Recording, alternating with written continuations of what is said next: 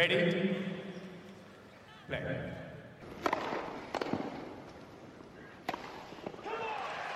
Merhabalar, Raket Servise hoş geldiniz. Ben Gökalp. Ben Anıl, merhaba. Evet, yepyeni bir Grand Slam şampiyonumuz yok. Roland Garros'tan çıktık. Ve de Rafael Erkeklerde- Nadal. Erkeklerde yok. Aynen erkeklerde. Rafael Nadal e, 13. kez Roland Garros'u kazandı. 20. Grand Slam şampiyonluğu. E, sıfatlarımız tükendi. Ne diyeceğimiz artık bulamıyoruz. Her sene kendi rekorunu geliştiriyor.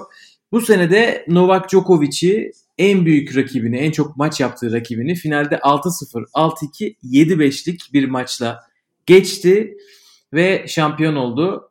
Anıl bir e, genel bir şey hani programda ne konuşacağız onu bir söyleyeyim önceden. Tabii erkekler yani Nadal'ı konuşacağız, Djokovic konuşacağız. Ondan sonra Świątek'in şampiyonluğunu da konuşacağız. Sonra da Fantasy Game e, galibimizden mesajlar var. Onları aktaracağız size. Bunu dedikten sonra e, Anıl senden bir genel görüş alayım erkekler finaliyle alakalı. Sonra çok güzel sorularımız var. Hem Nadal tarafını hem Djokovic tarafını soran sorular üzerinden e, bugünkü finali konuşuruz. Evet yani benim turnuva sırasında hani Djokovic'in performansını çok çok iyi görüyordum ve arttıracak vitesleri var diye düşünüyordum. Ki varmış. Bugün Djokovic turnuvadaki bence e, açık ara en üst düzey oyununu oynadı. E, fakat Nadal daha önceden gö- ya bence Nadal da Roland Garros tarihindeki en iyi tenislerinden birini oynamış olabilir bugün. Çünkü inanılmaz ralliler izledik yani. Hani kurgusunu yapsan üstüne işte 3-4 kere provasını yapsan bu sayı böyle oynanacak deyip bu uzun ve inanılmaz vuruş açıları zorluğu olan puanları oynayacağız desen ancak öyle kurgulanır. İnanılmaz bir seviyeydi maçta. Gerçekten keşke daha uzun sürseydi. Ee, kazanandan bağımsız olarak. Ama e, 13 dedi Rafa. Benim aklıma direkt şu geldi. Hani Fransızlar yapmaz tabii ki de esasında Roland Garros merkez kortunun adı artık Home of Rafael Nadal diye değiştirilmeli bence. Çünkü 13 kere burayı kazanmış ve Rafael Nadal'ın en iyi tenis oynadığı yer Philip Chatrier kortu. Artık burası onun evi. Hani e, o açıdan toprağın gelmiş geçmiş en iyi ismi olduğu zaten tescilliydi. Ama ben her şeyden önce beni en çok etkileyen iki hafta süren bir turnuvada biri 33 34 yaşında olan tenisçinin bu kadar atletik ve e, son maçta bu kadar yüksek kondisyonlu olmalarına inanılmaz saygı duydum. Gördük önceki turlarda Tsitsipas, Team hepsi fiziklerinin sınırlarına geldi ve bittiler. Rafael Nadal ve Djokovic daha bir hafta daha bu turnuvayı oynarlardı gibime geliyor. Evet zaten e, artık bunu hani e, buna rağmen mi bunun sayesinde mi e, buralara geldiklerini konuşmaya başladık. Çünkü 5 setlik maçlarda özellikle bu isimlerin hani e, tabii ki onların başka bir sürü özelliği var ama e, çok fazla bu tecrübeleri olduğu için 5 setlik maç oynama tecrübeleri. E, Tsitsipas mesela 5. sette fişi çekmişken kendi fişini e, Djokovic bana mısın demedi ve devam etti. Ama bugün o Djokovic'i göremedik açıkçası. Nadal gerçekten efsane bir performans sergiledi ve e, bu turnuvada görmediğimiz bir Nadal vardı. Zaten Roma'da görmemiştik. Roma'da e, ilk turnuvasıydı aylar sonra, 7 ay sonra. Ee, Avustralya'da, Acapulco'da yani bu sene 2020'de de böyle bir Nadal görmemiştik. Yok. Ama tabii ki Roland 2019'da Garros. da ben pek gördüğümüzü düşünmüyorum açıkçası. Evet yani bence bu hayatında oynadığı en iyi maçlardan birisiydi. Özellikle ilk iki set. Ee, Djokovic kötü oynamadı ilk sette. Zaten herhalde bu Twitter'ın genel kanısıydı. Ee, nasıl oldu da o set 6-0'a Nadal'a gitti? Onu yani Nadal'ın büyüklüğüne ithaf etmemiz gerekiyor. Çünkü Djokovic o kadar basit hata yapmaya başlamamıştı ikinci sette olduğu kadar daha ilk sette. Ve e, bu noktadayız. E, yani Nadal inanılmaz bir şampiyonluk kazandı. E, şu noktalardan dolayı inanılmaz.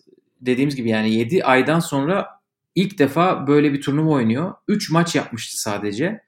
Şimdi de gelip e, yani Roland Garros tarihinin ilk 10'una girebilecek bir oyun kazanma yüzdesiyle bitirdi. E, ve set kaybetmeden şampiyon oldu. Yannick Sinner, Schwartzman ve Djokovic'i geçti en son 3 maçında. Anıl bugünkü maçı biraz konuşalım. Bugünkü maçın detaylarına biraz girelim. Bunun için de ilk sorumuz e, Rabia'nın sorusu olsun. Nadal tarafıyla başlayalım. Normal şartlardan çok uzak bir Roland Garros'ta Nadal'ın bu kadar üst seviyede mükemmel bir final kazanmasının sırrı sizce nedir? Neyi en doğru yaptı? Ee, ya bence burada çok fazla doğru şey var. Zaten bu kadar fazla doğru şey olmasaydı herhalde biz 6-0'lık bir set göremezdik. Ama birkaç tanesini konuşabiliriz. Senden alayım istiyorsan ilk. Ben şunu en, en çok bugün dikkatimi çeken doğru yaptığı şey gerçekten anticipation dediğimiz Djokovic'in topları nereye vuracağını çok erken fark edip çok hızlı reaksiyonla Djokovic'in gerçekten hani çok üst düzey olan vuruşlarını hızlıca okuyup e, devamlı karşılayıp sayı, sayıları Djokovic'in aldığı sayıları bile çok zor vermesi. Bu Djokovic'in mental olarak kırılması bence en zor isimlerden birisi bu turda. E, onun maça inanmasını azaltan en önemli özelliği buydu bence. Çünkü Djokovic ne yollarsa yollasın top gelmeye devam ediyordu ve özellikle birkaç tane topu bir de e, çizginin üzerine çok böyle kritik yerlere gelmesiyle beraber Djoko'da ya ben artık daha ne yapayım? Hani her şeyimi veriyorum ve çok iyi oynuyorum. Her şey geri geliyor. Bu nasıl bir iş? deyip böyle biraz çaresiz hissetmesini sağladı. Bunu neden diyorum? Çünkü bu kadar üst düzey birbirine ezbere bilen iki oyuncu arasında en kritik nokta karşı tarafın e, kafasına girmek, ona üstünlüğünü mental olarak sağlamak ve en kritik nokta buydu bence. Yoksa onun dışında turnuva boyuncaki forehand performansının neredeyse 10 katı iyi bir forehand'i vardı. Servisleri turnuva boyunca hiç görmediğimiz kadar iyiydi ve ne, hemen hemen hiç basit hata yapmadı. Yani ikinci setin sonunda yanlış hatırlamıyorsam sadece 6 basit hatası vardı iki sette. Hani bu, bu Grand Slam finalinden bahsediyoruz. İnanılmaz bir seviye. Ve bu da tabii ki e, maçı getiren kilit noktalar oldu bence. E, ben birkaç şey ekleyeyim. Benim ilk aklıma gelen e, yani mantalitesi oldu ama bu hani sayı sayı sayı oynamaktan bahsetmiyorum. Onun adının zaten tescilli hali. Ama maça çıkarken ki e, kafa yapısı çok çok sağlıklıydı Nadal'ın. Hani belli ki ben işte e, şart şudur şart budur yağmur yağacak çatı kapanacak falan filan diye çıkmamış hiç kafasında evet. hiç yok. Çünkü çatı konusu özellikle Djokovic gibi kapalı kortta çok çok iyi oynayan tenisçilere karşı kafanızda büyük bir soru işareti olabilir. Ki özellikle çok yakın bir zamanda çatının altında bir Grand Slam maçı oynadılar. 2018 Wimbledon yarı finalinde evet. çatı maçın ortasında kapandıktan sonra olay olmuştu. Ertesi gün çatı güneşli olmasına rağmen ama kapalı devam ettiği için bir sürü olay olmuştu. Nadal o maçı çok yakın ona 8 kaybetti sanırım 5. sette. Hani bir, bir kez hani bence bunların hiçbirisini düşünmemiş. Ben zaten oyunumu oynarım diye çıkmış. İkincisi oyun içerisinde de bence çok çok ataktı. Yani pozisyon olarak da hiç o diğer maçlarda olduğu kadar geride değildi. Ee, evet. Baseline'a çok yakın oynadı. Bir ara Djokovic de öyleydi. Yani pimpon oynuyor gibilerdi ikinci setin evet. sonlarına doğru çok acayiplerdi. Ama Nadal'dan bunu çok çok görmeyiz mesela. Yani Nadal bence maçın başından 3. setin ortasına kadar sürekli ilk tokadı ben vuracağım rallinin içerisinde disiplinini korudu. Bunu iki buçuk set boyunca korumak inanılmaz bir şey ve dediğin gibi bunu yaparken bir de altı basit hata yapıyorsunuz sadece. Hani garantici bir oyun oynamayıp altı basit hata yapmak inanılmaz bir şey. Ee, bir de bence maçın en başında e, çapraz rallileri çok iyi engelledi Nadal. Çünkü evet. iki tarafta da çapraz bence Djokovic'in işine yarayacaktı. E, tabii. Hani e, özellikle Djokovic'in backhand'inden e, Nadal'ın forehand'ine giden sayılarda Djokovic on, artık onları çok iyi alıyordu eskiden yani son son 10 15 maçlarında diyeyim. Ama Nadal ne zaman çapraz olsa forehand paralele gitti, backhand paralele gitti. Ee, bir de backend'i de inanılmazdı bugün ya. Yani inanılmaz sayılar çıkardı backend'de. Hem yüksek hem kısa hem düşük. Ee, yani birçok şey var ama hepsi bir araya nasıl geliyor? Gerçekten ben de çok şaşkınım. Çünkü bunu ne, ne Sinner maçında görebildik biz ne de Schwartzman maçında görebildik. Evet. Yani, çok çok acayip performans. Ben şuna inanıyorum. Zaten Big Three'nin Big Three olmasının sebebi hepsinin birbirini bir tık yukarıya taşıması. Kortta da birbirlerini gördükleri zaman en iyi tenislerini ortaya koyuyorlar. Yani ben Nadal'ın karşısında Tsitsipas olsa bu kadar iyi oynayacağını düşünmüyorum. Djokovic'in karşısında Schwartzman çıksaydı bu kadar Djokovic'in de iyi oynayacağını düşünmüyorum. Yani skor aldatmasın. E, Djokovic gerçekten ilk, ilk sette de çok iyiydi ama Nadal saçma iyiydi. E, çünkü topları norm yani o kadar alışılmışın dışında bir stratejiyle çıktı ki Djokovic onu çözümleyemedi başta. En büyük fark oydu. Yani Nadal Djokovic'i ters köşe yapmayı başardı biraz taktiksel olarak bence. Orada çok kritik bir fark vardı. Yoksa Djokovic'in yani açıları genişletiyor ki hani kortu açtığı zaman Djokovic'in en büyük silahı açık kortu daha da açıp karşı taraftan topu ulaşılamaz noktalara yollaması. Yani onları bile öyle yerlerden rallilere devam etti ki Nadal çoğunda puanı da aldı. Djokovic ne yapacağını bilemedi. Çünkü normalde işte senin bahsettiğin o nokta çok kritik. Baseline'ın çok gerisinde değil çizgiye daha yakın durdukça o geniş açılı topları yakalanmayı çok daha erken başarıp karşıya geçirdi ve çapraz yani drop shotlara çapraz slice vuruşları yani inanılmaz zor bir vuruş stili ve onu efsanevi iyi yaptı bazı noktalarda. Hele bir tane çapraz slice volesi vardı böyle bir yerde. Hani Djokovic evet. atacağı köşeyi biliyor ama öyle bir açıyla öyle bir slice vuruyor ki mümkün değil yakalayamazsın. Yani drop shot falan da değil ki koş. Böyle acayip saçma bir yerlere gidiyor top. Yani gerçekten cebinde 3-4 tane daha kart saklamış finale kadar Nadal ve bunların hiçbirini bu sezon boyunca göstermedi. O yüzden de Djokovic bunları önceden tespit edip hazırlanma imkanı olmadı bunlara. Evet e, aslında birbirlerini çok tabii ki çok çok iyi tanıyorlar. Roland Garros'ta önceden de çok maç yaptılar. Ama e, tabii üstünden zaman geçti en son oynadıklarından beri. E, bence ikinci setin başı itibariyle hani Nadal'ın oyunu iyileştikçe Djokovic'in oyunu da kötüleşti. Hatta belki ilk setin e, ortalarından bile diyebiliriz. E, yani ilk set 6-0'lık bir set değildi tamam ama ikinci set gerçekten 6-2'lik bir setti. Hani evet. Djokovic çok fazla basit hata yaptı. Burada Üstünlük saygının seviyesini çok arttırdı çünkü artık yani çok zorladı. Heh, tam onu soracaktım. Saygının sorusunu alalım burada. Saygın sevgili Saygın Yiğit Unalan e, demiş ki ki kendisiyle beraber yakın zamanda bir YouTube programı yaptık. Ona konuk olduk daha doğrusu onun evet. programına. Onun profilinden e, bakabilirsiniz. E, Novak Djokovic'in bugün başarısızlığındaki temel etmen nedir? Onun için ne yolunda gitmedi? Mental olarak bu kadar çökeceğini düşünmüyordum. Tsitsipas maçının 5. setine 5'e 5 sete gitmesinin bunda bir rolü var mıdır demiş kendisi. Ne dersin hanım? Ben, Bugünkü başarısızın temel etmeni ne? Ben temel etmeninin aslında Djokovic'in yaptığı yanlışlardan ziyade bugün Nadal'ın yaptığı doğruların fark olduğunu düşünüyorum. O Nadal çok fazla e, sıra, taktiksel olarak maça doğru çıktı ve mental olarak maçı kazandı. Yani bunların arasındaki mücadelelerde artık iş çok daha mental seviyede kazanıyorsunuz maçı. Karşı tarafı tüketmeye ve ümidini kaybettirmeye yönelik. Hani bunun Tsitsipas maçının 5 sete gitmesinde çok bir rol olduğunu düşünmüyorum. Çünkü 5. sette hala Nole çok çok diri görünüyordu ve orada hatta dedim ya helal olsun. Yani maç 5. sette karşındaki adam 22-23 yaşında bitmiş durumda. Sen hala bir 5 set daha devam ederiz diye adamın gözünün içine bakıyorsun.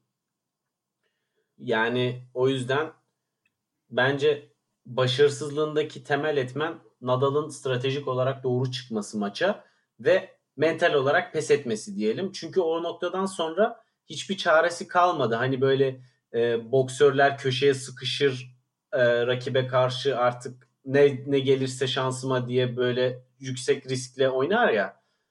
Çok evet. biraz öyleydi ve orada birkaç zaten çok çok zor vuruşta iyi sayılar aldı. Fakat tabi e, bu risk seviyesini devam ettirince hata sayısı artmaya ve kritik sayıları kaybetmeye başladı ve öyle de oldu ikinci sette. Ama üçüncü sete tekrardan doğru girdi esasında e, Djokovic.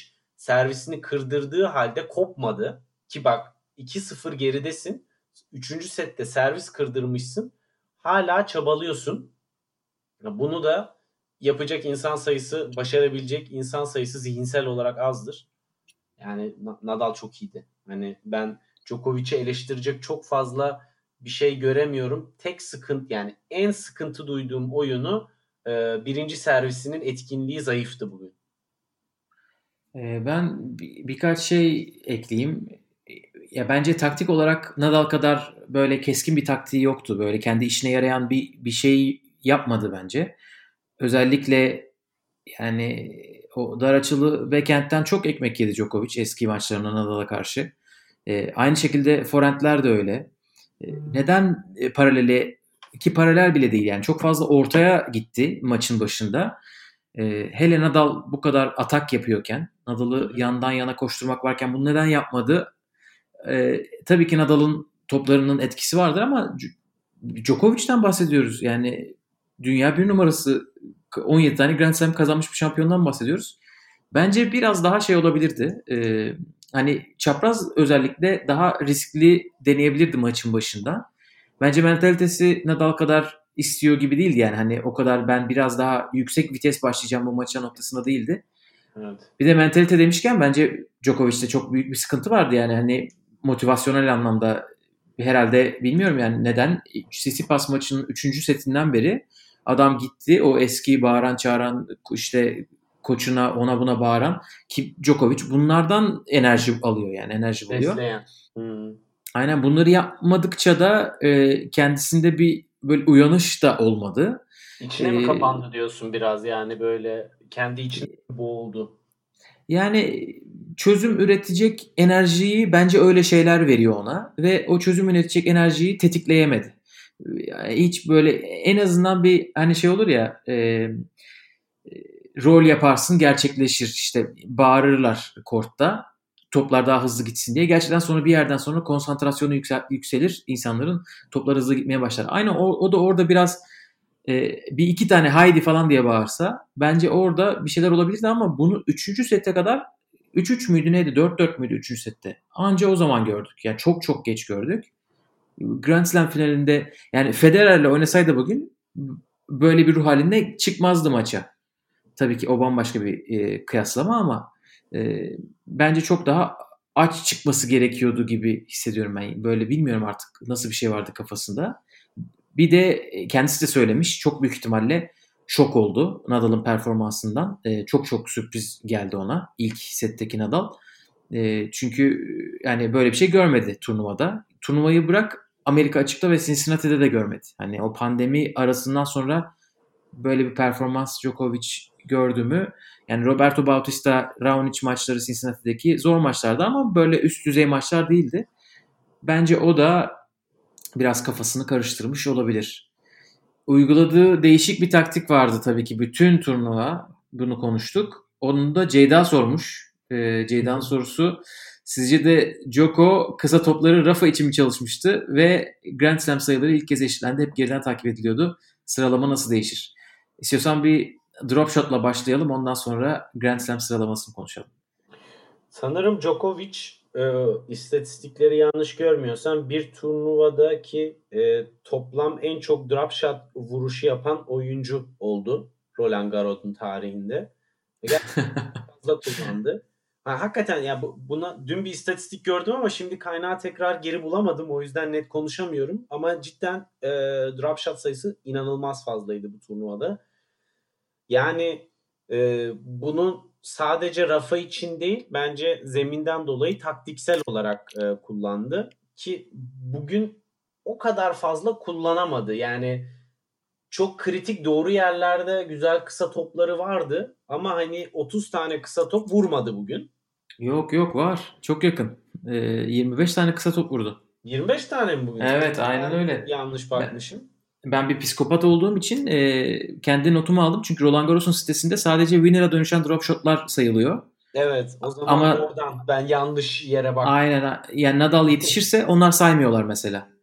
Ha, onu diyecektim zaten. Yani çok kritik yerlerde doğru drop shotları kullandı ama Nadal da e, çok iyi okudu birçok drop shot'ı ve o drop shot'lara karşı Nadal çok iyi çalışmış.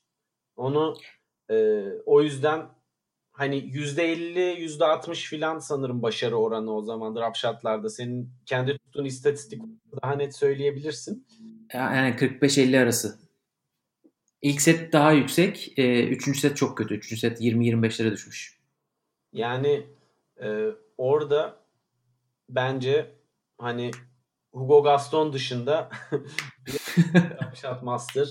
Ki Djokovic bunu sadece bugün de değil hani iki senedir etkin bir şekilde e, şeylere drop shotlarına çok ciddi yükleniyor. Ve hani şunu da yapmıyor. Mesela bazı maçlara başlıyor Djoko. 4-5 tane drop shot deniyor. Fileye takıyor. Kötü kötü drop shotlar bırakıyor. O taktiğinden asla vazgeçmiyor bence onun arkasında farklı bir Evet. e, strateji var. O da rakibi ileri geri koşturarak uzun vadede maç ne kadar uzarsa kondisyonunu karşı tarafını tüketip oyun kalitesini düşürüp fiziksel olarak bitirme üzerine kurulu. E, ve bunu uzun süredir yapıyor Djokovic ve çok da iyi yapıyor. O yüzden de zaten uzayan setleri, uzayan maçları genelde kazanmayı başarıyor. Rakibin sadece üstünlük kurmak için değil fiziksel olarak da yıpratmaya bakıyor. Ama Evet. sorunun ikinci kısmına gelecek olursak Bir oraya gelmeden önce ben de drop shot'la ilgili yorumumu ekleyeyim. Bence Tabii. kesinlikle Rafa için çalışmış. Benim spekülasyonum bu yönde. ben böyle aylardır bu maçı beklediğini düşünüyorum Djokovic'in. Hani o, o noktadayım. Ama oraya o, o tabii ki şeylerden, elementlerden bir tanesi. Bir sürü şey var yapmanız gereken.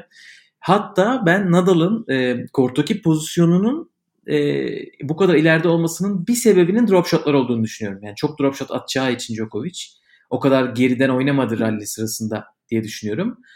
E, ben- senin dediğine katılıyorum. E, eğer Djokovic e, bırak böyle e, ilk setteki kadar yapmaya devam etseydi çünkü gerçekten e, başarısız olduğu zaman bırakmayıp devam ediyordu Djokovic ama e, ilk set mesela 11 tane atmış. 2 ve 3. setlerde 7 tane atmış. Yani ki ilk set Eğer- daha kısa daha az oyun oynandı ilk sette yani. Aynen aynen. Yani ilk set oyun başına yani her servis oyununda kullandı. Zaten ilk oyununda galiba 3 tane birden attı. Yani maça başladık 3 tane drop shot'la başladı maça. Ee, eğer bu kadar fazla yapsaydı bence o ileri koşma zaten bunu team söyledi. Full sprint modunda oluyorsunuz. Yani bu bizim çok alışık olmadığımız bir şey. Yani onun için biraz daha fazla yapsaydı belki başarı oranı %35-40 olurdu ama Nadal'ın bacaklarını yormaya oynarım diye düşünebilirdi ki Nadal bugün inanılmaz diri gözüküyordu. Onu yapabileceği bir şey olur muydu bilmiyorum ama Çok da sakindi bir de yani alışılmışın dışında bence Nadal bugün. evet yani çünkü her şey bir de süper gidince sakin olmamak için de sebep yok. E, ama e, drop shotları herhalde bir süre yapmayacaktır, kullanmayacaktır Djokovic diye düşünüyorum. Bu ikisi tabii şimdi bir de Londra'da oynayabilirler. Bir de orada göreceğiz. Bakalım yapacaklar mı bir şeyler. Deyip Grand Slam sayıları ile ilgili sana yorumu bırakayım. Tabii şimdi e, Rafa ile Roger'in e, Grand Slam sayıları eşitlendi. İkisi de 20'şer Grand Slam'de. Djokovic e, makası daraltamadı. Ama Ama 17'de. 17'de heh, Djoko alsaydı 20 19 18 olacaktı.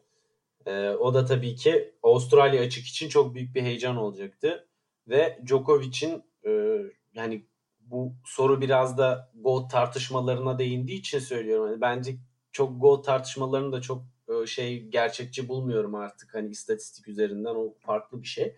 Bu gol tartışması derken gelmiş geçmiş en iyi oyuncu. Evet. Yani şu var. Tabii Djoko burayı kazansaydı bütün Grand Slam'leri iki kez kazanmayı başaran ilk ve tek isim olacaktı. Şimdi alamadı. Avustralya açık önümüzdeki Grand Slam. Bu sefer de Nadal Avustralya açığı kazanırsa ilk ve tek isim olacak. Bütün Grand Slam'leri iki kere kazanmayı başaran. Yani orada Grand Slam sayılarının dışında bir de böyle bir e, konu var. Çünkü Roger'in sadece bir e, Roland Garros şampiyonluğu var ve bir daha Roland Garros kazanma olasılığı herhalde çok düşük. Hani bunu kendisi bile zaten böyle bir hesabın içerisinde değildir tahminimce. Ama e, ben bir yerde e, yani Eurosport'ta bir tane Rafael Nadal'ın ailesine yakın birinin yaptığı bir yorumu dinledim. O demişti ki aile arasındaki bir sohbette hedefinin 25 Grand Slam olduğunu e, aşağı yukarı söylemiş Rafa. Aman Allah. Şimdi e, 25 Grand Slam'e yolu tabii şu anda biraz daha uzun. 8. Rafa'nın şu an 5 Grand Slam hani iki tane... Ha, pardon ben yanlış mı duydum? Ben e, Nadal mı söylemiş 25 diye Djokovic mi? Nadal. Ha tamam doğru demiş. Evet yani ama işte hani bunlar çok spekülatif şeyler olduğu için. Fakat... Benim bildiğim Nadal söylemiyordur böyle bir şey ya. O diyordur ki ben tadını aldığım sürece devam edeceğim falan diyordur. ya o kendi hani böyle bir alabilirim kağıt üstünde bir 3-4 sene daha oynayıp birkaç Grand Slam daha alırım diye belki böyle bir laf arasında demiş olabilir. Fakat yani ben Grand Slam sayılarından ziyade hani bu işin şimdi mesela bakıyorsunuz Joko Avustralya açıkta çok net bir dominasyonu var hani üst üste seneler. Wimbledon'da işte Björn Borg'dan sonra Federer ilk kez 5 kere üst üste Wimbledon'ı kazandı. Rafa'nın Roland Garros'daki dominasyonu zaten ayrı bir şey. Yani toplam sayıları böyle dönem dönem değişiyor. Artık çok uzun süre oynadılar çünkü. Fakat e, burada ben ikisinin de Nadal'ı şey Nadal diyorum Federer'i geçeceğini düşünüyorum. Ama hangisi toplamda daha fazla olur dersem bence Nadal olur. Çünkü 3 tane Grand Slam fark var arada. Ve hani öyle ya da böyle alt kuşak mental olarak yetişmeye başladığı için önümüzdeki sene olmasa bile ondan sonraki sene e, artık tura çok daha ağırlığını koyacaktır isimler ve hani yaş olarak da ilerlediler. Hani tamam bir 4 sene daha en az oynarlar. Ama toplamda aradaki 3 kupalık fark bence zor kapanır gibime geliyor. İkisi de ee... ama 3 3 Grand Slam farkı yaşça bu kadar yakın oldukları için e, kapanır diyorum. Bence Djokovic önde bitirecek. Öyle mi diyorsun? Hiçbir açıklamam da daha fazla olduğu için mi? Neden? Vallahi açıklamam yok. Yani şöyle Djokovic'in daha uzun süre e, üst düzey oynayabileceğini tahmin ediyorum. Bunu Nadal için de söylemiştim. E, yapamayacak diye 2010 yılında falan yaptı. 20 oldu. Onun için hiçbir şeyi yok yani geçerli yok bu tahminin. Sadece Djokovic bence o onlar kaçta 22-23'ten bırakırsa o 24'ü görmeden bırakmazmış gibi düşünüyorum. Buradan şeye geçelim. E, gençleri de sen söyledin. E, Tenis Not senin tweetinin altına bir soru bırakmış. Çok, çok konuyla alakalı. Diyor ki erkeklerde Nadal ve Djokovic evet. yarı finale kadar kağıt üstünde zor rakiplerle oynayamadılar. Gerçekten de çok az oyun kaybetti mesela Nadal. Djokovic de öyle. Erkeklerde ten, erkekler tenisinde bu durum uzun süredir var. Bunu bir sorun olarak görüyor musunuz? Şahsen onların ilk 3 üç, 3. tura kadar olan maçlarını izlemiyorum. Onların yerine başka maçlar izliyorum her zaman demiş sevgili Tenis Not. Ben bir çabuk cevabımı vereyim mi? Tamam. Ee, ben kesinlikle katılıyorum. Ee, bence çok sıkıcı. Ben evet. hiç, hiçbirisinin maçının tamamını ya yani bir set falan izledim. Ee, çünkü şey oluyor yani sıkılıyorsunuz gerçekten izlerken. Öbür tarafa acıyorsunuz ve işin içinden çıkılmıyor yani. Bu Federer için de böyleydi. Nadal, Djokovic için de böyle. Ee, ben bunun hani seviye tamam, seviye kesinlikle var. Çünkü zaten ilk iki turda seri başıyla oynamamanız gerekiyor. Yani dünya ilk 32'si dışındaki oyuncularla oynuyorsunuz zaten. Üçüncü turada zaten şahsen şans şans eseri yine öyle birisi gelebiliyor. Ee, bizim bu her zaman söylediğimiz format değişikliği bunun kökünden çözer diye düşünüyorum. İlk hafta maçlar 3 set üzerinden, ikinci hafta 5 set üzerinden oynanırsa bakın nasıl izliyoruz o maçların hepsini. Her an bir sürpriz olacakmış şeyiyle e, gibi düşünüyorum. Sen ne diyorsun? Ben de yani biliyorsun Grand Slam'e gittiğimiz zaman da Roland Garros'a hani sadece sevdiğimiz oyuncuları canlı görebilmek için izliyoruz maçları özellikle 3. 4. turda. Hani çok heyecanlı bir maç beklentisiyle gitmiyorsun. E, televizyon karşısındaki motivasyon daha da düşük oluyor. Bence evet bu bir sorun. Ben katılıyorum. Ee, ama hani bunun çözümü nerede diyecek olursan bence şu var. Şimdi e, Big Three'den sonraki kuşak maalesef kayıp kuşak. İşte Nishikori'ler, Dimitrov'lar, Gofen'ler filan bunlar hiçbir zaman öyle bir seviyeye gelemedi. Ve erkek tenisi hani burada erkek tenisi diye ayırıyorum çünkü gerçekten iki tenis yani kadın ve erkek tenisi bir fark var. Erkek tenisi çok evrildi ve mental, taktiksel böyle çok daha fazla tecrübeye ve bilgiye dayalı bir oyun haline geldi o üst düzeyde. Çünkü o Big Three oyunu çok iyi çözdüler. Yani Bence bir de erkek tenisi değil de o o o 3-4 oyuncu o kadar evrildi diyelim. Çünkü şimdi Zverev'in ilk 3 tur maçını öyle rahat rahat yani şu Pierre Gerber maçı mesela. Öyle Tabii. olmuyor. Evet bu maç kesin 3-0 bitecek izlemeyeyim demiyorsun. O o yukarıdakiler, o Big 3, Big 4 yani o Federer, Djokovic, Nadal, Murray için geçerli bence. Ben de oraya geleceğim. Bu taktiksel tecrübe ve çözümleme işi rakibi 23 yaşında olmuyor. Yani o o kapı yani tabii ki çok zeki isimler çıkabilir. Yannick Sinner, e, Felix Auger-Aliassime aklıma gelen ilk iki e, o yaşlarda Grand Slam kazanmayı başaracak isimler olarak geliyor. Ama artık tenisin, erkek tenisinin en üst düzey oynandığı yaş aralığı bence biraz daha yukarıya kaydı. Ve o yüzden de biz hala gençleri biraz hayal kırıklığı olarak görüyoruz. Çünkü kadınlar tenisindeki gençlerin başarısı esasında işte tam da burada geliyor. Onların üstündeki kuşağın yapmadıklarını yapıyorlar. Oyunu çeşitlendiriyorlar, varyasyonları arttırıyorlar. Vuruş çeşitlilikleri fazla e, servisleriyle daha fazla ağırlık koyabiliyorlar. İşte birazdan Şviyonte'yi de konuşacağız. E, kadınlar tenisinde de gençlerin başarılı olmasında da işte tam bu etmen var. Yani erkek tenisinin gençleri çok sadece basic seviyede kalıyor. İşte vuruşlarım çok iyi olsun, kondisyonum, atletizmim çok iyi olsun. Ama tenis zekasını daha çok geliştiremiyorlar.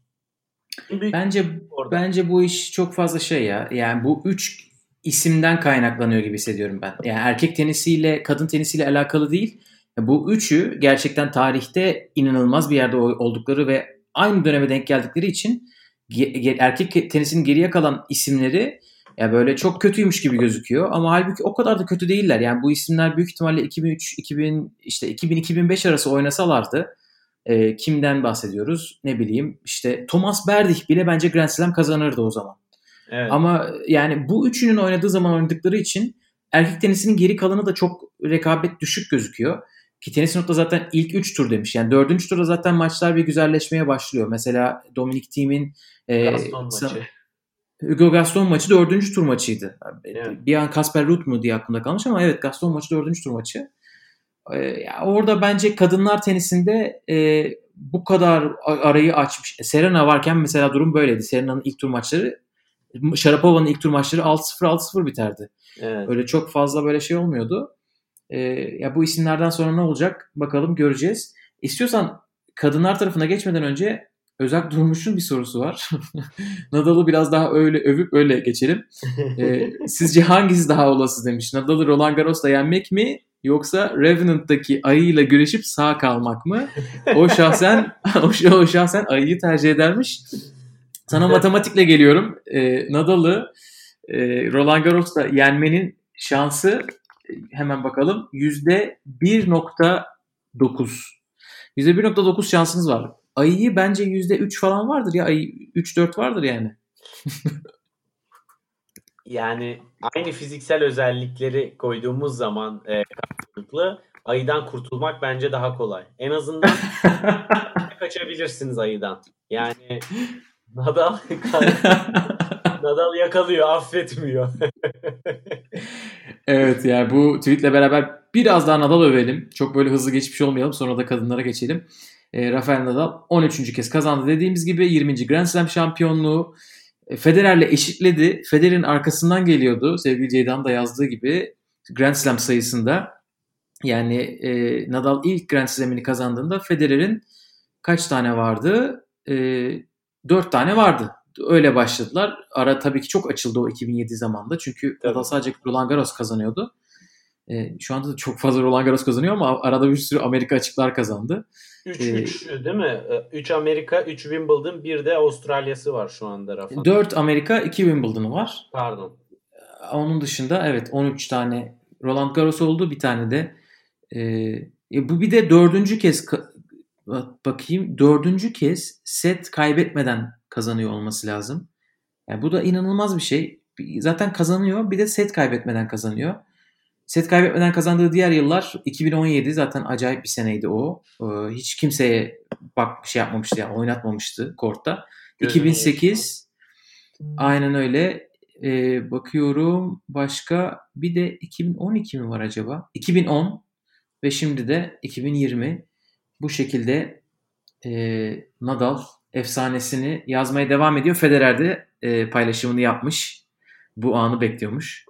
Evet. E, Hazırlamış kutluyorum. tweetini tweet'e basmış yollamış. Aynen öyle fotoğrafını koymuş. daha doğrusu Instagram'dan paylaşıp tweet, e, Twitter'da screenshot'ını koymuş gör yanlış görmediysem. Aynen notunda da bayağı güzel diyor ki işte e, Rafa çok tebrik ederim.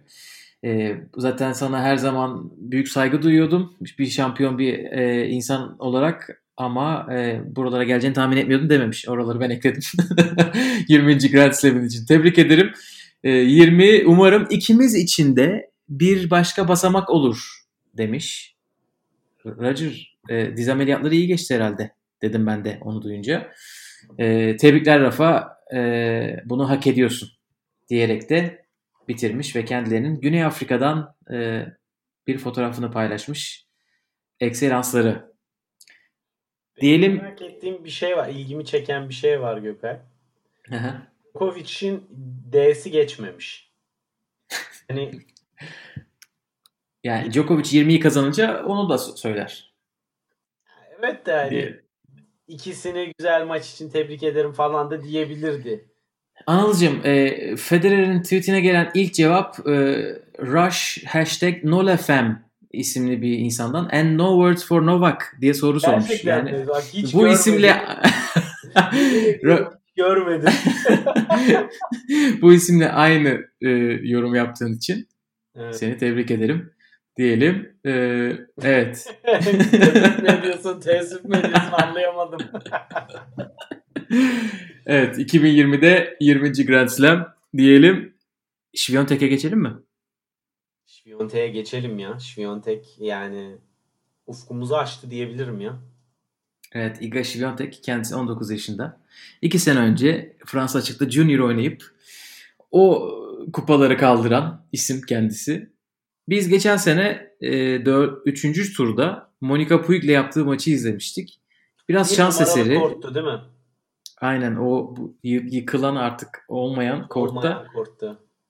E, biraz şans eseri dedik ki çok fazla böyle kalabalık var. Çünkü o bir numaralı kortta yani ucuz biletle dış kort biletiyle girilebilen bir yer olduğu için genelde o 10-15 euroluk biletle en çok e, hani böyle seyircinin alındığı kort orası oluyor.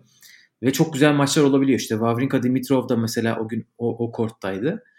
Ee, Yağmur Dimitrov sayesinde lazım. güzel maçlar kayabiliyor bir de dördüncü turda özellikle. Program. Aynen öyle. Aynen öyle. Monica Puig işte ilk seti Şiviyontek'e karşı 6-0 almış. Biz de diyorduk Şviyontek'i merak ediyoruz bir izleyelim diye. Çünkü geçen seneden itibaren zaten sesi bayağı yükselmeye başlamıştı. Ve orada e, ilk seti 6-0 kaybettikten sonra böyle çok güzel bir şekilde geri döndürüp maçı 6-3-6-3 ile almıştı. Ağlaya ağlaya kortu terk etti. E, sonra Halep'e o tabi heyecandan ne olduğunu anlayıp anlayamadığı maçta sadece bir oyun kazandığı maçta 6-1-6-0'la kaybetmişti bu sene dönüşü bambaşka oldu. Bambaşka oldu. Bu sene o 6-1-6-0'ın acısını teker teker 7 farklı insandan çıkardı. Evet efendim. Yendiği isimler şöyle. Geçen senenin e, finalisti Marketa Vondroshova ile başladı 6-1-6-2. Aç, açılışı bir temiz yaptı değil mi? Açılış tertemiz, inanılmaz. Anıl orada ilk puanlarını kaybetti bir. Evet. Mahvetti. Zaten orada e, Şviyonte'yi oynasaydım e, sıralamam çok daha başka yerlerde olurdu. Şviyontek İki... beni Vondrushova'ya karşı mahvetti. Bir de Jenny Bouchard'a karşı mahvetti. Bir de Lep'e karşı mahvetti. Üç Evet yani ikinci bu turda kadar mı güvenilmez bir isme? Yani beni her o yüzden de bütün maçlarını izledim. Oynadığım için rakibine. Ama işte çıkaramaz çıkaramaz diye diye kız şamp- bana inat şampiyon oldu. Evet yani bir yerde herhalde artık evet, kırılır bu e, direnç diye düşündü insanlar. Ki finalde de öyle düşünmüş çoğu kişi. İkinci turda Suveyşe'yi 6-1 6-4 ile geçti. Suveyşe'yi buradan tebrik ederiz. Çünkü bir sette en çok oyun alan e, isim oldu kendisi Şiviyontek'ten. Üçüncü turda Üceni Buşardı 6-3-6-2 ile geçti. Ki o maçta mesela böyle çok rahat bir maç değildi. Ama skorlarını Şiviyontek ne yapıp edip gerçekten çok güzel tamamladı. Evet. Yani Sonra zaten puanların hepsini kazanıyor. Gökhan benim en çok beğendiğim özelliği o. Ee, çok böyle maçın zor oyunlarında zorlanabiliyor. Ama kritik bir sayı oldu mu çok soğukkanlı kalıp o oyunu kazanıyor böyle. Anlamıyor insan. Yani çok garip. Aynen. Zaten onu sanırım 19 en çok yaşında. Halep maçında gördük. Evet evet. O yani 19 yaşında olduğunu tekrar edelim. Çünkü hiç öyle yaşını göstermeyen şeyler yaptı. Mesela Osaka 2018'de kazandığında böyle değildi. Yani yani hiç kimse böyle değildi. Dünyanın en dominant performanslarından bir tanesi. Ee, dördüncü turda Halep'i geçti. Bir numaralı seri başı ve açık ara favori turnuvanın. Sonra Martina Trevisan'ı geçti. Hadi orası elemelerden zaten oraya gelmiş. Çok fazla bir beklenti yoktu ama yine de belli olmazdı. Zaten. Yani Aynen o zaten onun 8. maçıydı Trevisan'ın. Sonra 9. maçını oynayan, yanlış mı sayıyorum? Evet 9. maçını oynayan Podoroska ile oynadı. Podoroska'yı sahadan sildi. 6-2-6-1 ve sonra Sofia Kenin 6-4, 6-1. Çok ilginç bir final. Aslında böyle çok rahat başlamadı Şiviyontek maça ama kopardı, götürdü. Neler diyeceksin? Hem final maçı için hem de Şiviyontek için.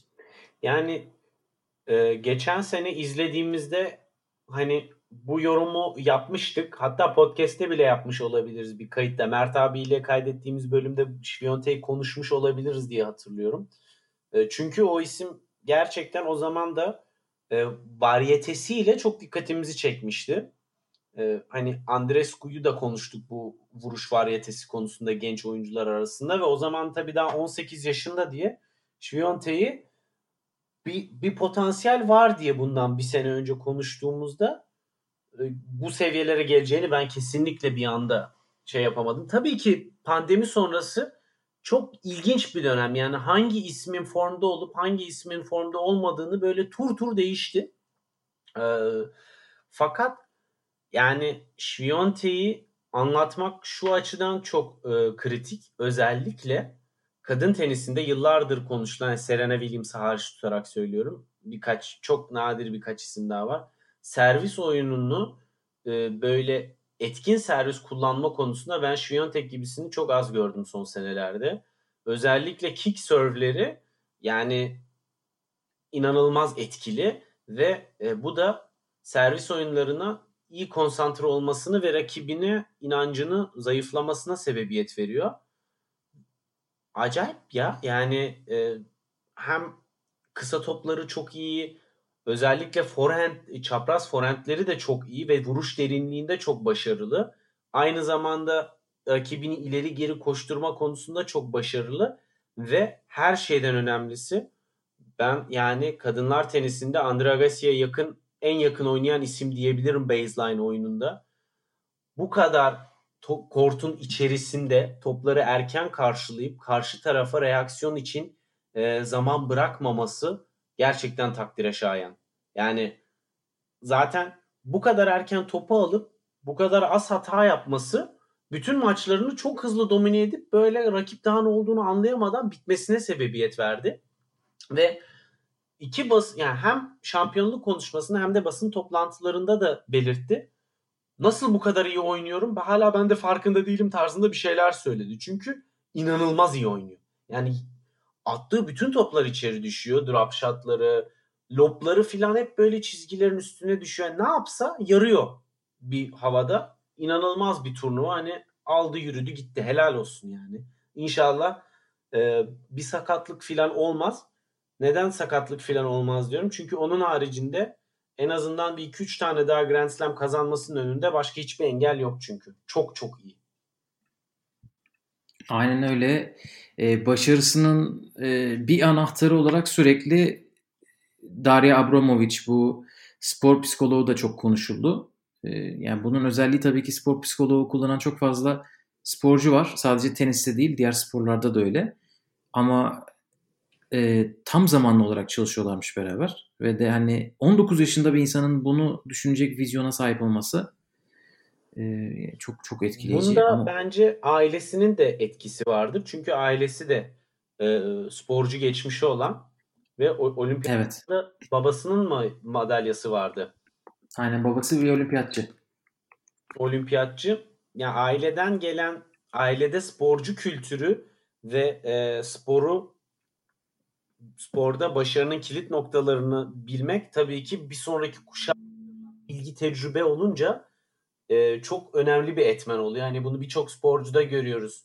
Ya işte an, tenisçilerin antrenör olan ya amcası oluyor ya annesi oluyor ya babası oluyor ya ikisi birden oluyor. E, yani kuşaktan kuşağa bilgi tecrübe aktarımı erken yaşta başarının tabii ki en önemli noktası. Çünkü e, o yılları tecrübe kazanmak için başkalarının harcadığı 3-4 seneyi onlar hazır bilgi olarak alıyorlar ve onu oyunlarına çok erken yaşta ekleyebiliyorlar. Şviyontek'te tabii bu faktör de var. Ama hani bu faktörü sahip olan tek isim o değil. Fakat bu kadar genç yaşta e, şampiyon olmayı başaran isimlerden bir tanesi sadece Şviyontek. Evet bence çok doğru bir noktaya parmak bastın. Hani ailenin bunda büyük bir payı olduğu aşikar. Çünkü şu ana kadar Fransa açığa kadar sadece 1 milyon dolar sadece diyorum. Çünkü teniste e, maliyetler çok yüksek. Sadece 1 milyon dolar kazanmış bir sporcudan bahsediyoruz. İşte koçunuza para veriyorsunuz. E, varsa fizyoterapistinize para veriyorsunuz. E, zaten sürekli seyahat ediyorsunuz. Onun için ayrı bir maliyet kalemi sürekli yanınızda bulundurmak hani o finansal olarak da zor. Ama bir turnuvada çıkardı parasını. 1 milyon 600 bin euro kazanarak Şviyontek. Burada gerekirse bir tane daha e, spor psikoloğuyla yoluna devam edebilir. Ama bakalım bunun etkisini görecek miyiz e, diğer e, oyuncularda? Bence e, eğer bir kişi daha spor psikoloğuyla çalışsın diyorsak bunun Sofia Kenin olması gerektiğini düşünüyorum. Sofia Kenin aslında böyle e, hem oyunu bırakmayan hem maçları bırakmayan zaten Avustralya açığı öyle kazandı. Üçüncü sette öyle 0-40'tan döndüğü bir oyun var hala aklımızda. Onun sayesinde Muguruza'yı yendi. Ama ben Kenny'nin bir şekilde acayip toksik bir hırsının olduğunu düşünüyorum. Evet. E, ve ona ona çok zarar veriyormuş gibi geliyor bana. E, ve bir şeyler yolunda gitmediği zaman sanki e, bir bir şey olacak da böyle çığ gibi kötüye yuvarlanacakmış gibi bir e, meyilli var gibi hissediyorum. Çok da emin değilim ama e, ben genelde böyle şeylerde ilk başta baba anne varsa koç şeyinde hemen onlara faturayı kesiyorum. Kabahat hani böyle aynen yani Amerika Tenis Federasyonu gibi bir yerden geliyorken bir sürü koça erişim varken özellikle Grand Slam şampiyon olduktan sonra Sharapova bile mesela uzun süre babasıyla böyle etti etmedi devam etti derken sonra Michael Joyce'la çalışmaya başladı. O hani o Yuri Sharapov'un yanına öyle bir şey eklendi en azından. Sanki burada da ona böyle bu kadar kendisini yormaması gerektiğini söyleyecek bir insan lazım. Çünkü e, yani korttaki halini gördük bir ara ağlıyordu gibi. Yani zaten en son sanırım e, Cincinnati'de mi New York'ta mı ne olmuş? Yani ağlamaklı bir köpek bakışı vardır ya öyle bakıyordu gözleri ya. Çok evet. Aynen öyle ki yani moralinin çok bozuk olması normal çünkü kendi en iyi tenisinden uzaktaydı finalde. E, çok basit hata yaptı e, kritik yerlerde. E, beş, yani geri servis kırdı. Sanırım 4-5'te servis atıyordu. Orada servis kırdırarak seti kaybetti. Yapmaması gereken bir şey ki aslında servisleri turnuvada çok kötü, çok iyiydi. Hatta Fiona Ferro işte ondan önceki Kvitova maçında çok iyi servisler attı. Ee, onun için burada moralinin biraz daha karşı da çok iyi geri döndü yani e, ilk evet. kaybettikten sonra. Aynen ilk seti 6-2 kaybetmişti. Bir de orada bir seyirci desteği vardı tabii ki Fransız evet. biriyle oynamanı verdi. Zor Daniel şey Collins yani. maçında da Fransa'da çok iyiydi. Fransız'a karşı oynamak. Aynen aynen yani Daniel Collins maçında da çok netti performansı. Üçüncü sette hatta Bagel'la kazandı zaten. Ama orada Onun Daniel için... Collins de son sette biraz e, şey sakatlığı da vardı gibi. Onun da Ya onun pili bitmişti ama yani Ken'in onu mesela çok iyi taktiğe çevirdi. Karşı tarafı nasıl şey yaptığını buldu, bozacağını buldu. Burada ikinci set bence yani insanların da aklına belki gelmiştir. Acaba o mola biraz momentum bozmak için alındı mı? Ki Kenny'nin böyle yapacak bir tarafı var. Belli oluyor yani hani kazanmak için. Her, her şeyi yaparım. Her şeyi yaparım e, mentalitesi var ki e, bu arada yani korttaki kişiliğiyle Instagram'da yok efendim Bethany Metaxent'in yanındaki hali bambaşka. iki karakter gibi böyle. Ee, Ama normal sanki... bunu birçok tenisçide görüyoruz yani. Kort içi ve kort dışı bambaşka karakterler oluyor. Tabii. Tabii tabii doğru doğru. Evet ama Ken'in e, yine de çok büyük iş başardı. Çünkü en son 6-0 6-0 e, la veda etmişti Roma turnuvasına. İnanamamıştık. Herhalde o da inanamadı. Ama ondan sonra burada 6 tane güzel maç aldı. İşte Samsonova ile maçladı. Ondan sonra 2 tane Rumen oyuncu ki onlar toprakta iyilerdir. Sonra Ferro, Collins ve Kvitova maçları. Ama finalde Şivontek'i kaybetti. E, Şiviyontek'in istatistiklerinden biraz daha bahsedecek olursak bunu ben Twitter'da da paylaşmıştım. E, gerçekten çok etkileyici olduğu için yayıldı da. Çünkü Şiviyontek Roland Garros açık dönemin gelmiş geçmiş en iyi oyun kazanma yüzdesiyle şampiyon oldu. Bunu hem 19 yaşında hem de 54 numara olarak yaptığını söyleyelim. Çünkü e, seri başı olmayınca sürekli seri başıyla oynuyorsunuz. E, burada 4, 1 ve 15 numaraları eledi Şiviyontek yanlış görmüyorsam. Evet aynen öyle. Onun için e, çok çok etkileyici. Onun önünde sadece Steffi Graf var. E, yüzde %81 ile kazanmış Graf 1988'de inanılmaz. Hiçbir oyun kaybetmemiş yani neredeyse. E, ve ondan sonra Sviontek geliyor %75 ile. Serena Williams'la eşitler 2013 performansı ama Serena orada bir set kaybettiği için Sviontek oradaki beraberliği alıyor. Yani çok çok büyük iş ya, yanında olduğu isimler Navratilova, Ivan Gologong, Chris Evert, Monica Seles gibi efsaneler. Bakalım Şiviyontek'ten neler göreceğiz. Ee, bir de tabii Şiviyontek büyük bir Nadal hayranı. Bunu biliyorduk zaten. Bir de kendisi bol bol söyledi turnuva boyunca. İşte hayranlık ve ötesi diyelim artık yani. Bu kadar Aynen. bir insan. Aynen bakalım onun kedisinin adı Rafa değilse yalnız Korda'nın yani gerisine yazarız. tabii ki o konuda. Hani bir rekabet var. Belki de oradan imrenip ben daha çok seviyorum deyip böyle.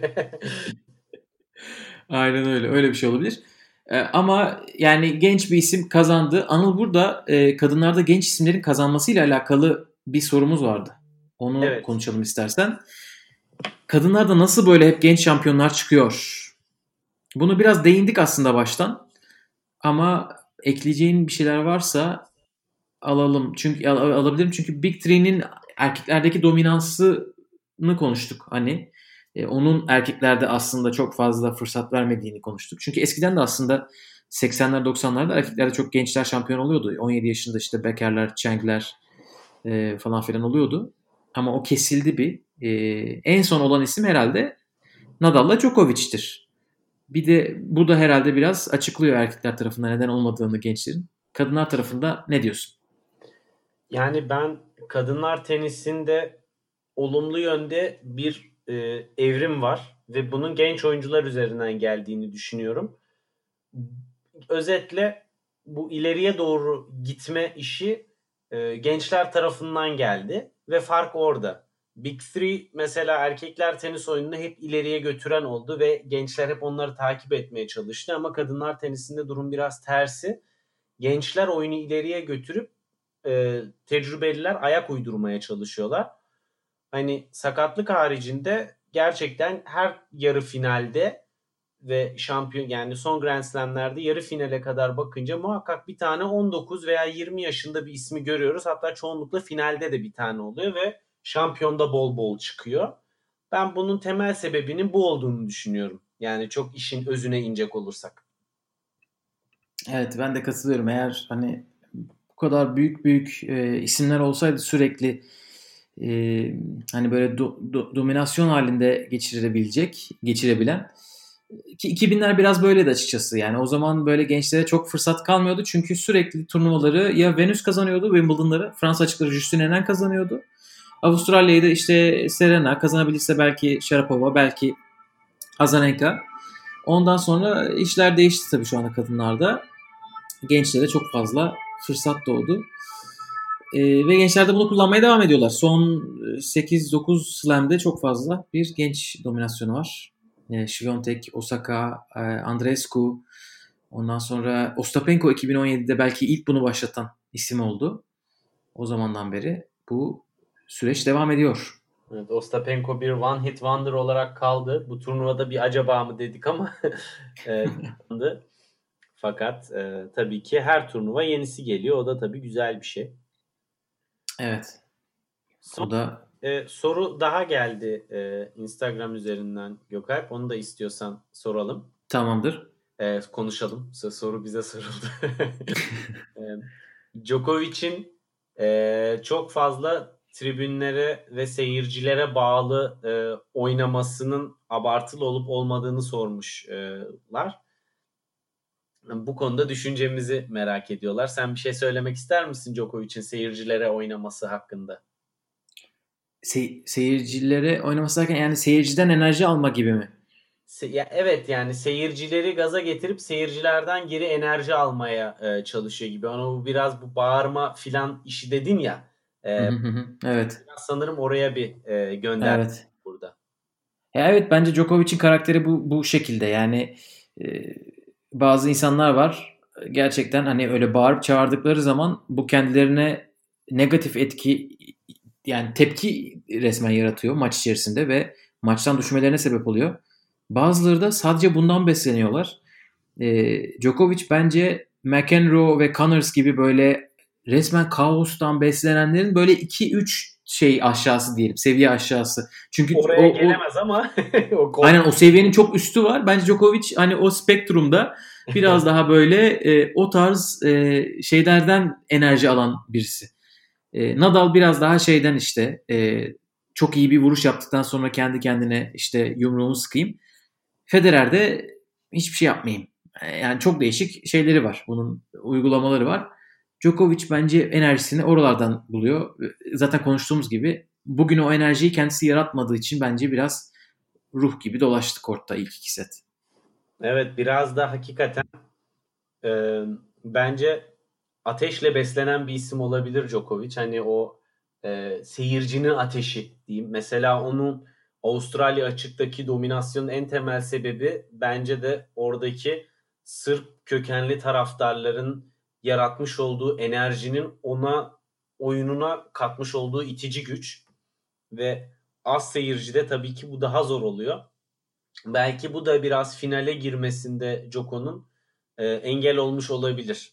Ama e, ben de katılıyorum. Yani seyircinin olumlu veya olumsuz e, yüksek reaksiyonundan besleniyor. Yani kendisine karşı aşırı olumsuz bir kortta atmosfer olduğu zaman da oyununu yükseltebiliyor. Hani o açıdan bence aslında güzel bir şey ya. Ben yani Joko'nun o yönünü e, kesinlikle kötü bulmuyorum. Çünkü e, bu tenisin biraz daha duygusallaşmasını da e, sebebiyet veriyor. Yani işin show tarafı, enerji, atmosfer tarafı ben seviyorum yani o karşılıklı didişmeler vesaireler. Mükemmelliyeti arasak çok daha statik bir şey isterdik ama bu bence güzel. Evet farklı karakterlerin olması gerçekten e, yani renk renk katıyor. E, kadınlarda da böyle, erkeklerde de böyle. Evet, istiyorsan yavaştan e, şampiyon dosyalarımızı kapatalım ve de asıl e, Fantasy Game şampiyonumuzu konuşalım. Büyük şampiyon. ee, sevgili Birkan 13.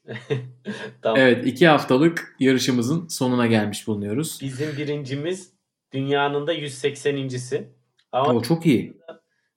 Şey yani çok çok yakın. Hani kendisi 180. sırada 12.074 puan topladı. Hani e, 100. 100. sıradaki e, oyuncu da 12.591 puan mesela. Hani 80 arada gerçekten sadece hani A kişisine mi 3 top vereyim, B kişisine mi 3 top vereyim ikileminden çıkan puan farklarından çok sıralama farkları oluşmuş. Çünkü mesela e, baktığın zaman 60. 61. sıradaki kişinin de 12.994 puanı var. Hani çok çok yakın oralarda mesafeler. Gerçekten güzel bir turnuva geçirmiş. Ya biz ona, onun özeline gelmeden önce de zaten herkese teşekkür ederim. Çünkü en son 42 e, kişiyi görmüştük. bayağı da sürekli devam ettik en azından yarı finallere kadar. Çünkü yarı finalden sonra belli oldu puanların çok fazla kapanmayacağı. Ama o zamana kadar çok eğlendik. Bir ara maçların başından ayrılamıyorduk. Sırf bu iş yüzünden oyuncu keşfettik. Sırf ona top. Beni üzdü 3. turda ama olsun. Aynen. Bizim amacımız e, diyorduk ki birincimizi yayına alalım. Virkan evet. 13. E, Virkan'a da e, ulaştık sağ olsun. Bize mesaj yollamış Instagram'dan. E, ama e, teknik sebeplerden dolayı yayına alamadık. Onun e, mesajlarını iletelim. Ona şey dedik hani var mıydı turnuvada bir favori e, seni itekleyen? O şey demiş Sebastian Corda'dan herkes çok yürüdü. Onu takıma alamadığım için e, mutsuzum demiş. Bir de alsaydın zaten dünya birincisi olacaktın abi ya. Yani... Değil mi? Yani... Aynen ben ben Sebastian Corda'dan bakıyorum. E, bir ilk turda bir Sen tertemiz 2300 bir 2300 puanın vardır senin Sebastian. Yok yok ya. Çünkü ikinci turda çıkardım ya ben onu. Aa, Benim Sebastian Corda'dan e, şöyle söyleyeyim 1560 mı ne öyle bir şeyin puanım var. Fark orada. Yani, yani zaten toplam puanımda toplam puanım 5'te birini Sebastian Korda, e, 3'te birini Daniel Altmaier yapıyor. Bu ikisine teşekkür ederim. ben hiçbir yani bir ilk turda bütün sürprizlerimi tutturdum. Fakat öngöremediğim şu vardı. İkinci turda aynı oyuncularla devam etmemiz gerekiyormuş. Ben bunu bilmiyordum. Sen de bilmiyordun sanırım. Ee, Kesinlikle hiçbir fikrim yoktu. Ve nedense duygusallık yapıp hani kaybedeceğini olasılık yüksek olsa da çıkarmadım. Topları da kaybetmemek adına bonus toplarını. Çünkü orada öyle bir ikilem vardı. Sonra e, bir düşünce toparlamak çok zor oldu yani 9000 yani 9000 küsurlara geldik yine kaç puanım var bir bakayım. evet e, Birkan da 4 e, yarı finalisti doğru bilmiş. Oradan bir yüksek puanlar kazanmış. İlk başlarda da böyle Podoroskalar e, ondan sonra evet, Monteiro, Altmaier, Jack Sock yani ilk turda zaten 3871 puanla inanılmaz bir giriş. Onu tebrik ediyoruz. O da bize sağ olsun güzel e, selamlarını yollamış. E, takip etmeye devam edeceğiz demiş. Zaten e, son finallerin ikisini de doğru bilen grubumuzda 1, 2, 3, 4, 5, 6, 7, 8, 9, 10 kişi maksimum puanı elde etmiş. Yani Conte'ye 3 topu, Nadal'a da 2 topu vererek maksimum puanı almış herkes 10 kişi. Ama tabii ki kilit sürpriz isimleri keşfetmek ve yolu açıp Aynen öyle. keşfetmek burada e, en kilit nokta herhalde. Yani biz ona dedik ki kime e, teşekkür etmek istersin? O da dedi ki başarımı bana ve birçok kişiye tenis sevdirdiği için ekselanslarına borçluyum demiş. Buradan da Federer'e bir selam söyleyelim. Federer demişken İsviçre'nin juniorları biz burada şimdi ben biliyorsun Almanya konuşuyorsun sen ben de az İsviçre öveyim. erkekler junior erkekler finalinde iki İsviçreli birbirine karşı oynadı öyle açıkçası izledim maçı. İnanılmaz şeyler beklemiyorum kendilerinden ama bakalım beni şaşırtırlarsa çok güzel olur. Özellikle şampiyon olan Stricker'di galiba adı. Çok güzel oynadı. Diğeri de Leandro Riedi ama yani bayağı iyi arkadaşlarmış. Her yaş grubunda beraber her yere gitmişler. Güzel bir hikaye olmuş. Ee, kızlar finalinde de Elsa Giacomo e, biz onu e, ana tabloda konuşmuştuk. O şampiyon oldu. Finalde de Çara, Çarayeva galiba. Çarayeva'yı yendi e, o Rus e, arkadaşımız bir numaralı seri başı Victoria Jimenez'i elemişti. Bu Andorralı 14 yaşında 15 yaşında olan kızı. E, ama Fransızlar genelde burada şampiyon olurlar. Sonra yani diğer isimlere göre biraz daha e, düşük olur başarı oranları. Çünkü yani ev sahibi şeyi fazla oluyor. Junior turnuvasında özellikle. En son Kristina Mladenovic kazanmış mesela Fransa'dan kızlar turnuvasını. Böyle güzel bir e, turnuva oldu. E, Almanlara da bir değinelim istersen. Çift erkekleri yine Alman ikili kazandı. Evet yani Almanlar teniste o kadar üstün ki artık e, kasiyerlerini, süpermarket kasiyerlerini, reyon raf dizicilerini yolluyorlar ve kupayı alıp geliyorlar. Açıklamak ister misin? evet. E, iki çiftler şampiyonlarından Kravitz e, korona döneminde Discounter süpermarketinde reyonlara e, ürün diziyordu. Ve işte bu ya. Adam oradan geçen senenin de Roland Garros şampiyonluğuydu. Hani öncesinde parası pulu yok. Parasını çıkarıyor falan değil. Yani adam geçen sene Roland Garros'u kazanmıştı çiftlerde yine. Korona dönemi e, sağlığa karşı e, ve durumun önemini belirtmek için süpermarkette çalıştı. raflara reyon e, şey raflara mal dizdi. E, pandemi sonrası bir çiftler kupasıyla da bunu taçlandırdı. Yani bilmiyorum başka bir ülkede böyle bir hikaye olur mu gerçekten sanmıyorum ya. Bu Al- Almanya Helal olsun. Almanlar çok numunelik insanlar gerçekten. Helal olsun. Ee, kadınlar çiftler finalini de Kristina Mladenovic ve Timea Boboş kazandılar yine. Geçen sene kazanan iki Muhteşem çift. ikili. Aynen yani Almanlar da geçen sene kazanmıştı. Mladenovic Boboş da geçen sene kazanmıştı. İkisi de unvanlarını korudular ve de e, şampiyonluğunu elde ettiler. Bu Mladenovic'in tam 5. çiftler şampiyonluğu. Bir Caroline Garcia ile kazanmıştı. 4 tane de Boboş'la kazanmış oldu. Üçüncü de Fransa açığı. Yani Mladenovic o kadar kötü bir sene geçirdi ki herhalde bu en azından bir teselli, çok çok güzel bir teselli olmuştur. Neler neler yaşadı. Burada seti verilmedi. Pandemide bir şeyler oldu falan derken şimdi en azından bir kupayla Grand Slam sezonunu kapıyor. Yani e, demek ki kadınlar tekleri haricinde 2019'dan 2020'ye toplar değişti, mevsim değişti, hava şartları, zemin değişti ama şampiyonlar değişmedi. Aynen öyle. Özellikle zaten Nadal hiçbir zaman değişmeyecek gibi bir ruh haliyle istiyorsan programı burada kapatalım. Evet gerçekten toprağın kralıyla toprak sezonunu kapayalım. Haftaya Köln'de bir turnuva olacak ve St. Petersburg'da turnuva olacak. Köln'deki turnuvayı ziyaret edeceğim. Bir bakacağım bana çok yakın. Oradan da Süper. gördüklerimi e, sizlerle paylaşırım. Süper. O zaman bir sonraki podcast'te Köln'den haberlerimizi alacağız. Evet, Diyelim. Biraz, biraz da turnuvanın reklamını yapayım. Gökalp çok Yap tamamdır. e, Eurosport'ta yayınlanacak.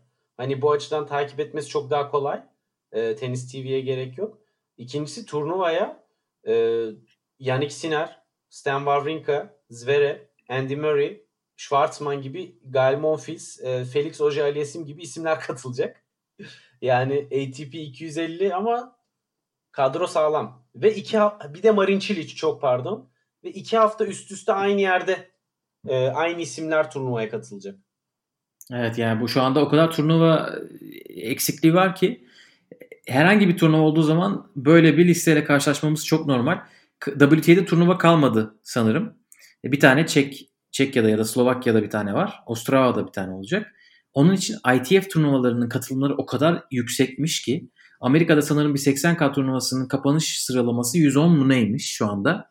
Tabii ki çekilmeler olacak ama inanılmaz bir şey. Ee, tabii Ankara'da da bir turnuva var mesela. Orayı da merak ediyoruz. Kimler gidecek? Ama en başta Köln'ü takip edeceğiz. Evet. Ya bu da aslında güzel bir fırsat. Challenge yani tenis sezonu kapanıyor gibi ama e, tenisi izlemek isteyenler için ücretsiz Challenger e, turnuvaları web sitesi üzerinden izlenebiliyor ve kur- turnuvaların kalitesi, oyuncu kalitesi çok yüksek. Hani ücretsiz istediğiniz yerden istediğiniz zaman rahatlıkla çok güzel tenis maçları izleyebilirsiniz. O zaman burada kapatalım. Bizi dinlediğiniz için teşekkür edelim. Bir sonraki bölümde görüşmek üzere. Görüşmek Hoşçakalın. üzere, hoşçakalın.